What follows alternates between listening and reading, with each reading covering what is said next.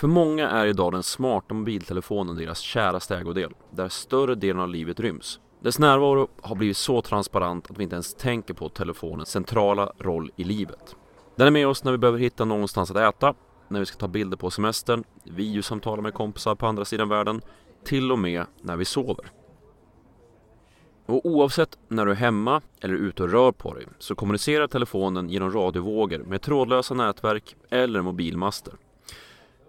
Och det är väl inget konstigt för de flesta, men det finns en oro bland en hel del personer att de här radiovågorna skulle vara mer eller mindre skadliga för oss människor. Och vad värre är, telefonernas skadliga inverkan skulle döljas av mäktiga industriintressen tillsammans med vården och myndigheters hjälp. Ju bättre täckning mobilnäten får i Sverige, ja, desto större blir problemen för de som känner av mobilstrålningen. Åtminstone enligt dem själva. I Sverige har fokusen i frågan, alltså om strålning och elektronik, länge legat på de så kallade elöverkänsliga. Men allt eftersom samhället förändras och alternativrörelsen med den så har det sprungit upp intressegrupperingar som försöker driva agendan att strålning från mobiler och trådlösa nätverk är livsfarligt och något måste göras. Se nu till att ladda ner instruktioner för hur du bygger en Faraday-bur för i dagens avsnitt av Kvalificerat Hemligt. Då ska vi prata om det här med strålning från mobiler och nätverk och om det finns någon grund för att det skulle vara skadligt samt om det verkligen är så att mobiltillverkarna är inblandade i en konspiration.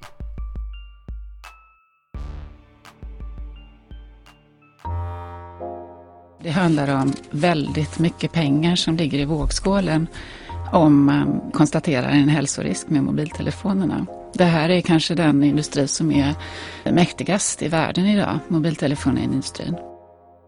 And when you're out shopping, you'll take a walkie-talkie with you so that you can call up the neighbours and tell them what you've found, if anything. This way, one shopping scout can keep her friends in touch with what's on sale. Här har vi ett nät med basstationer. Det här är masterna. Varje basstation står i förbindelse med en mobiltelefonväxel. En MTX som den brukar kallas. Mobiltelefonväxlarna står i förbindelse med det allmänna telefonnätet. We plan to use mobile telephones. You've probably seen them. But if not, it's a regular service the telephone company provides so that a car owner can talk from his car to any other telephone. Det är ju så att eh, den här mobilindustrin är så mäktig och har lyckats infiltrera även WHO med sina lojala experter.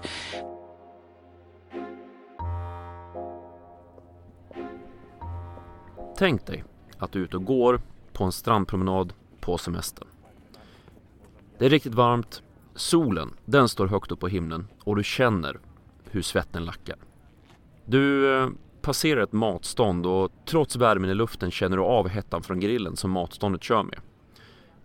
Din telefon plingar till i fickan och det visar sig att du fått ett textmeddelande. Långsamt går du iväg medan du drar på dig solbrillorna mot den strålande solen och funderar på om inte det här med mobilstrålning ändå är lite farligt. Vad var poängen med den här pedagogiska scenen då? Som tagen från Utbildningsradion. Jo, som ni redan gissat har jag tagit upp ett antal exempel på hur du utsätts för strålning utan att tänka på det. Solen strålar, både synliga ljuset och UV-ljuset. Värmen från grillen samt telefonens radiosignal och till och med det vi kallar för bakgrundsstrålning är alla former av strålning. Men vad är då strålning? Jo, det definieras som överföringen av energi, antingen genom elektromagnetisk, partikel eller gravitationsstrålning. Och när vi diskuterar mobiltelefoner eller trådlösa nätverk, vilket är avsnittets tema, så är det elektromagnetisk strålning vi fokuserar på. Frekvens för elektromagnetisk strålning är antalet vågrörelser per sekund. Och en vågrörelse är alltså från topp via dal till topp igen.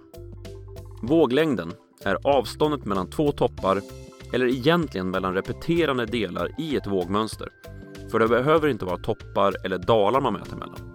Hur som helst, avståndet mellan sig två toppar rör sig från storheter som röntgen och gammastrålning som är nere på decimalnivå inom nanometerskalan. Jättelitet! Via synligt ljus på hundratals nanometer till radiovågor som kan vara kilometerlånga. Jättestor. Från till exempel topp till topp.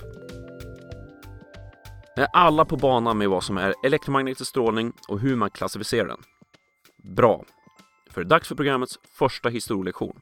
Den om mobiltelefonens tillkomst. Även om det fanns försök under 1920 och 30-talet med mobila telefoner så var de knappt värda namnet. Stora, energikrävande och i ett system som bara kunde hantera enskilda samtal åt gången. I USA tog Bell Labs fram ett system för mobiltelefoner som hade sin premiär i juni 1946. Och 1949 hade systemet premiär under AT&T's flagg under förkortningen MTS. Mobile Telephone Service. 100 städer och motorvägssträckor täcktes in av det här systemet. Och vill man ringa så fick man prata med en telefonist på ena änden som såg till att koppla det rätt. The first mobile system developed in the late 1930s used a push-to-talk telephone handset connected to a radio transceiver in the vehicle. A mobile service operator connected the calls to the regular telephone network. This special operator kept track of the channel each mobile caller was using and could not reassign the channel until the call had been completed. Systemet, ja, det var klumpigt och extremt begränsat. Endast tre samtal åt gången gick att utföra vid en given plats. Det här ledde till att systemet utökades med flera parallella samtal, men fortfarande tekniskt begränsat. Sverige, ja, vi var inte sämre.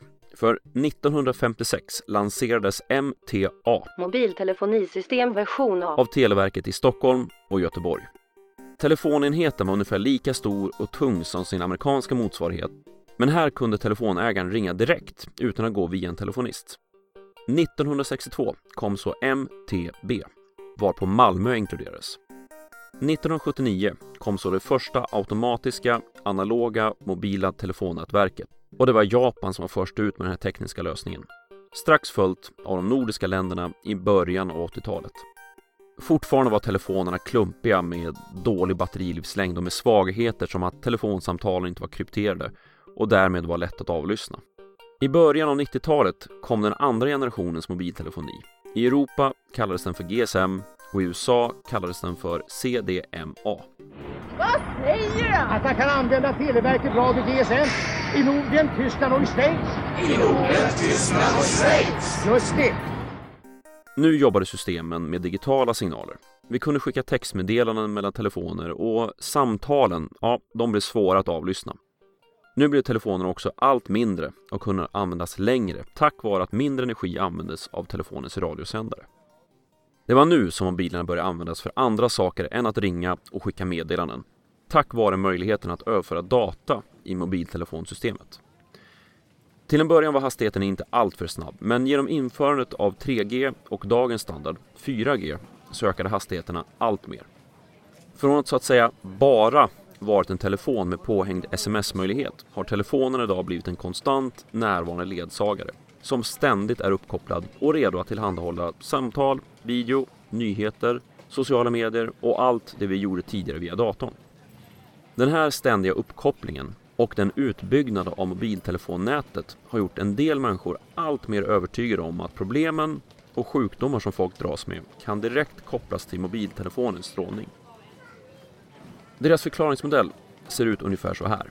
Mobiler och andra trådlösa enheter som surfplattor och datorer skickar ut elektromagnetisk strålning. Den här strålningen är mycket farligare än vad myndigheter påstår och ligger bakom en explosionsartad ökning av cancer, både i hjärnan och övriga kroppen. Dessutom påverkas nervsystemet, framförallt hos barn av den här strålningen. Allt från nedstämdhet, yrsel, sömnsvårigheter till tinnitus och hudutslag kan kopplas till trådlös teknik. Och vad värre är, tillverkarna av den här typen av teknik vet om det, men har på olika sätt förvillat myndigheter, släppt falska studier och till och med dödat för att hålla den här informationen hemlig. Som stöd för detta visar man bland annat upp WHOs rapport om mobilers strålning samt bland annat svenska forskare som står på samma sida som de som tror att mobiler är skadliga. Och det här låter ju både obehagligt och rätt så trovärdigt. WHO, forskare runt om i världen, strålning. Men som i så många andra fall med alternativtro och konspirationsteorier så stämmer varken slutsatserna eller underlaget man grundar sig på. Istället väljer man, som så ofta tidigare, att luta sig mot det som stödjer den egna uppfattningen och bortse från invändningar och hur fysik och fysiologi fungerar. Låt oss börja med det största och tyngsta argumentet som den här antirörelsen framför. att strålningen från mobiler skulle vara farlig. Strålningen från mobiler befinner sig inom spektrat för radiovågor och beroende på vilken generation på mobilsystem som diskuteras så är det lite olika områden. Men man kan lite förenklat säga att mobilerna sänder på en frekvens mellan 450 MHz upp till 2,6 GHz. Frekvensen, alltså hur ofta vågorna går upp och ner, är av intresse då den också berättar hur mycket energi som strålningen bär med sig. Alltså möjligheten att slå ut elektroner ur atomkärnor och i förlängningen skada DNA hos levande organismer. Strålning med sådant energiinnehåll kallas för joniserande strålning. Den här typen av skador på DNA kan leda till cellskador och skador på organ i kroppen samt cancer i olika former. Extremt förenklat kan man säga att joniserande strålning fungerar så här. Tänk dig att du står vid ett biljardbord och på bordet ligger ett antal biljardbollar som i det här fallet får representera elektroner. Du försöker få en eller flera biljardbollar att flytta på sig genom att upprepade gånger rulla en pingisboll mot bollarna. Ingenting händer och inget kommer att hända hur mycket du än försöker. Tänk dig nu att du tar fram en hagelbössa och siktar på biljardbollarna och trycker av. Där har du joniserande strålning. Skillnaden i energimängd är så abnormt stor att joniserande strålning är tiotusentals gånger mer energirik än strålning från en mobiltelefon. En mer rättvisande och populärkulturellt riktig liknelse kanske skulle vara om Luke Skywalker i Star Wars fightas mot Darth Vaders lasersvärd med ficklampa. Och det är egentligen här det borde ta slut. För det finns ingen förklaringsmodell som kan hoppa från att mobiltelefoners strålning inte har energimängden för att slå sönder DNA till att DNA slås sönder och på lång sikt cancer riskerar att uppstå. Det är samma sak som att du rullar iväg pingisbollen på biljardbordet och plötsligt så slås biljardbollen iväg. Samtidigt bör man vara ödmjuk nog att tillstå att det kan finnas en okänd mekanism som gör att celler kan skadas av mobilstrålning. Det innebär också att vi då behöver göra om en hel del av fysiken bakom strålning och andra områden. Men att mekanismen för att skada celler inte är på plats hindrar inte debatten överhuvudtaget. Istället så uppstår det ständiga diskussioner om exakt hur och inte om strålningen är farlig och hur vi kan skydda oss. Rapport på rapport uppmärksammas i media trots att de här rapporterna innehåller en hel del konstigheter samt får utstå hård kritik. Låt oss ta två exempel som ofta används av mobilens belackare. WHOs klassificering av mobilstrålning och den så kallade Interphone-studien. Under WHO finns ett utskott med namnet International Agency for Research on Cancer som är WHOs expertorgan inom cancer. I maj 2011 publicerade man ett pressmeddelande där man meddelade att mobilstrålning hade klassats som kategori 2B. Den här kategorin definieras som möjligen cancerframkallande för människor. Internet exploderade. Men få tog sig tiden att titta på listan över vilka ämnen som ingår i kategori 2B. För här återfinns förvisso en del ämnen som låter misstänksamma, men här finns också aloe vera, ginkgo biloba, talkpuder, inlagda grönsaker och kaffe. Mig veterligen finns det ingen organisation som pratar om Big Aloe Vera eller som undrar vilka Big Pickles betalar för att undanhålla fakta. Pickles!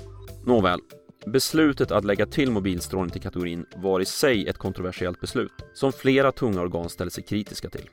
Bland annat Scientific Committee on Emerging and Newly Identified Health Risks som sorterar under Europeiska kommissionen. Den kommittén konstaterar att genom tre olika bevisvägar hade man inga indikationer på att mobilstrålning skulle öka cancerrisken hos människor. När det kommer till Interphone-studien, som också utfördes av WHOs tidigare omnämnda kommitté, så var det en stor rapport som släpptes 2010 som sa sig visa att mobiltelefoner troligen inte orsakade cancer, men att storbrukare av mobiltelefoner tycktes ha en ökad risk för olika former av hjärntumör. Det här det hade tagits som intäkt från strålningsrädda att mobiler är farliga, att något borde göras. Men som vanligt plockar man russinen ur kakan utan att ställa några kritiska frågor. Som att, ja, enligt studien tycktes extrembrukare av telefonen ha ordentligt höjd risk för hjärntumörer. Men samtidigt tyckte studien visa på att normalbrukare av mobiltelefoner hade en sänkt risk för hjärntumörer. Så, ska vi dra slutsatsen att mobilstrålning skyddar brukarna mot cancer? Nej, naturligtvis inte. Istället handlar det om problem med att mäta användare på populationsnivå. Till exempel konstaterar kritiker av studien att självskattning är ett väldigt trubbigt instrument. Så till den milda grad att en del av de som använder telefonen mest enligt studien skulle ha pratat i konstant 12 timmar per dag. Dessutom är det en utmaning att få till en motsvarande ekvivalent kontrollgrupp i den här typen av försök som liknar telefonanvändarna på alla sätt förutom att de inte använder mobiltelefon. Och det finns alltid en osäkerhet inbyggd i den här typen av bevisläge. Det vill säga att påvisa ett fenomens ofarlighet. Det görs inte riktigt. Däremot, ju längre tiden går och vi fortfarande inte har sett en negativ effekt av mobiltelefoner på befolkningen så kan man säga med en allt större säkerhet så orsakar inte mobiler strålning cancer hos brukarna. För även om vi inte kan säga med säkerhet att det inte finns en okänd biologisk koppling mellan strålningen och celler så kan vi titta på förekomsten av cancer, till exempel hjärntumörer, och se om den har ökat i takt med användandet av mobiltelefoner. Om den har ökat i takt med användandet av mobiltelefoner. Och det finns studier från runt om i världen, bland annat Sverige, som visar att sedan mobiltelefoner blev tillgängliga för allmänheten så har fallen i stort sett legat på exakt samma nivå som innan införandet. Men som med alla bra konspirationsteorier ska man inte tro vetenskapen när den säger emot tron. Bara när den håller med. I takt med att våra handhållna enheter som mobiler och surfplattor utvecklas så har också spridningen av trådlösa nätverk, det vill säga wifi, ökat rejält. Och i och med det här har också antimobilrörelsen fått ett nytt mål att sikta in sig på. För plötsligt kan ju alla former av sjukdomar och vardaglig angst kopplas till det trådlösa nätverket. Mår du dåligt så är det, hej presto, nätverksstrålningens fel. När dök trådlösa nätverk, eller wifi som det också kallas, upp på kartan för allmänheten då? Jo, 1999 introducerades standarden, även om industrin hade använt liknande trådlösa system sedan början av 90-talet. Och liksom med mobiltelefonen har utvecklingen gått otroligt fort. Från att ha klarat av hastigheter som inte anses civiliserade med dagens mått mätt är vi nu uppe i hastigheter som matchar och ibland överträffar hastigheten i uppkopplingen mot nätet. Många har under åren trott att ordet wifi står för wireless fidelity, alltså en anspelning på ljudvärldens hi-fi, high fidelity. Men sanningen är att ordet inte är en förkortning av något. Istället handlar det om att industrigruppen bakom standarden för trådlösa nätverk vill ha något lite sexigare och mer gångbart än namnet på standarden. IEE 802 11B Direct Sequence. Idag är våra telefoner, surfplattor, tv-apparater, laptop, spelkonsoler, låst ytterdörren och till och med kylskåpen trådlöst uppkopplade i hemmet. Dagens standard när det kommer till trådlösa nätverk arbetar främst på 2,4 samt 5 GHz. Även om man jobbar på att få fram än snabbare hastigheter med ännu högre frekvens. Men oavsett vad som är på gång är det för mycket för de som ser trådlösa nätverk som ytterligare en farlig spelare i en redan utsatt miljö. Läser man vad strålningen från nätverk påstås orsaka så är det en bred sjukdomsbild som framträder. Allt från huvudvärk, sömnsvårigheter och depression till tinnitus och försämrat immunförsvar samt synrubbningar och påverkan på hormonutsöndringen i kroppen. Problemet med de här teorierna är att trådlösa nätverk sänder med en mycket mindre effekt än vad mobiltelefoner och basstationer gör. Dessutom tenderar trådlös utrustning att inte hållas mot huvudet, som är fallet med mobiltelefonen. Men återigen spelar det här ingen roll, då man fortfarande inte kan förklara på något sätt hur icke-joniserande strålning med låg effekt skulle kunna påverka våra celler. Oavsett hur mycket man förklarar det här går det inte att komma förbi det faktum att för många är en viss sorts strålning av samma typ farligare än en annan sorts strålning, men av samma typ. Så, nu har vi pratat om de här prylarna vi har hemma som sänder ut strålning som alltså inte är farlig. Den farliga strålningen då, det vill säga joniserande, återfinns hos till exempel tandläkaren eller på sjukhus. Och det är därför du till exempel får en blyhaklapp när tandläkaren tar en röntgenbild på dina pärlvita tänder. Men den vanligaste formen av strålning, som är joniserande och som du inte kommer undan, finns faktiskt just nu runt omkring dig. Bakgrundsstrålning. Alltså naturlig kosmisk strålning samt naturlig radioaktivitet från till exempel marken och från byggnadsmaterial i husen vi bor i. Joniserande strålning mäts i storheten sievert som ett mått på skaderisken för människor eller levande organismer som utsätts för joniserande strålning. Till exempel så räknar man med att röntgen hos tandläkaren ger en dos på 0,01 millisievert medan en strålningsdos på 10 sievert är dödlig i 100% av fallen, alltså en miljon gånger kraftigare än tandläkarröntgen. En genomsnittssvensk får i sig cirka 3 millisievert per år via de tidigare nämnda källorna och till exempel genom vårdbesök. De här doserna är alltså långt under vad som överhuvudtaget skulle kunna tänkas påverka vår hälsa. Det räcker med att man bara nämner ordet strålning för att folk ska bli lite lätt obekväma och skruva på sig. Men det här med strålning är egentligen inte så knepigt eller så farligt. Idag har vi en god bild av risker med strålning och den landar främst bland de strålningstyper som är just joniserande. Kritiker till mobiltelefoner och trådlös teknik kan fortfarande inte förklara på ett godtagbart sätt hur lågenergistrålning överhuvudtaget ska kunna påverka våra celler så till den milda grad att de skadas och riskerar att i förlängningen ge oss cancer. Kommer du ihåg pingisbollarna och biljardbollarna? Mm. Det kvittar hur många gånger du rullar pingisbollen på biljardbordet för ingen boll kommer gå ner i korgen. På samma sätt är det med strålningen från mobiltelefoner och wifi. Men, säger vän av ordning där ute, var är alla smaskiga konspirationsteorier? Var är CIAs hand närvarande och hur kan det här kopplas till utomjordingar? Mm. Faktum är att strålningsrädda för det mesta håller sig borta från den här typen av tro eller idéer. Det närmaste man kommer är att utmåla mobilbranschen som otroligt mäktig, vilket skulle kunna förklara hur man lyckats hemlighålla mobilstrålningens farlighet under alla de här åren. Men det finns de som faktiskt tror att mobilstrålningen inte bara är hälsofarlig utan även kan användas till klart mörkare syften. Deras tro går ut på att mobilmaster används för att medvetet påverka sinnesstämningen på dem runt omkring eller till och med direkt påverka tankarna. När man läser eller hör om den här typen av idéer så låter det faktiskt mer som klassisk förföljelsemani än något annat. Så till absolut största del är det här inga idéer som strålningsrädda torgför. Det räcker helt enkelt med att inte lita på fysikens lagar och att blanda ihop strålningstyper. Det finns dock en intressant aspekt av rädslan för strålning och konspirationstron som omgärdar det här området.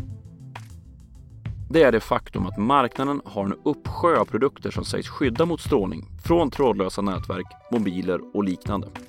För eh, det finns inte bara skydd som du sätter på mobilen. Det finns skärmande kepsar och boxershorts också. Det finns väggfärg som sägs skydda mot strålningen. Att det sen skulle kosta runt 15 000 att måla en normalstor lägenhet, ja, det är en annan femma. Det finns skydd som ser ut som myggnät som du kan sätta runt sängen. Ja, listan kan göras mycket längre. Men vi kan konstatera att det här är en bransch som faktiskt tjänar pengar på att sälja skydd mot något som man själv hävdar är farligt. Som så många gånger tidigare med alternativrörelsen är det inte alltid fult att tjäna pengar. Det har blivit dags att sätta mobilen på laddning och avsluta det här avsnittet. Så, vad har vi lärt oss idag? Jo, att strålningen kan vara farlig, men att det då främst handlar om extremt energirik joniserande strålning. Det här, ja, det är något som varken mobiler eller trådlösa nätverk sänder ut. Och för formens skull, visst kan det vara så att det finns en okänd biologisk mekanism som gör att icke-joniserande strålning skulle kunna orsaka skador på våra celler.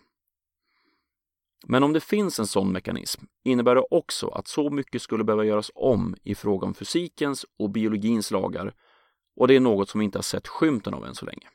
Och apropå skymten, skulle trådlösa nätverk eller mobiler orsaka cancer så borde vi faktiskt sett en ökning av tumörer och cancerfallen globalt.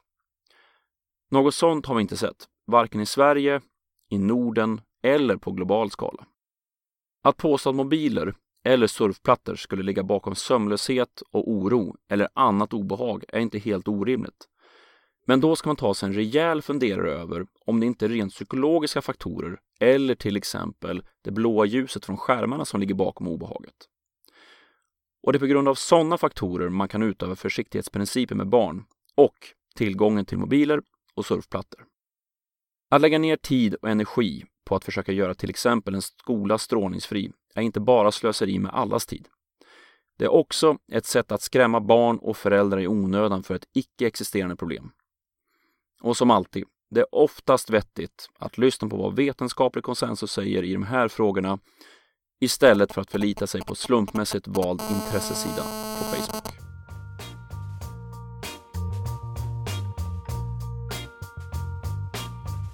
Du har lyssnat på Kvalificerat Hemligt, en poddradio om konspirationsteorier och vetenskap. Länkar till musiken, videoklipp och annat som nämns i programmet återfinns på programmets hemsida, khpodden.se. Jag heter C. Åkerberg och tack för att du har lyssnat.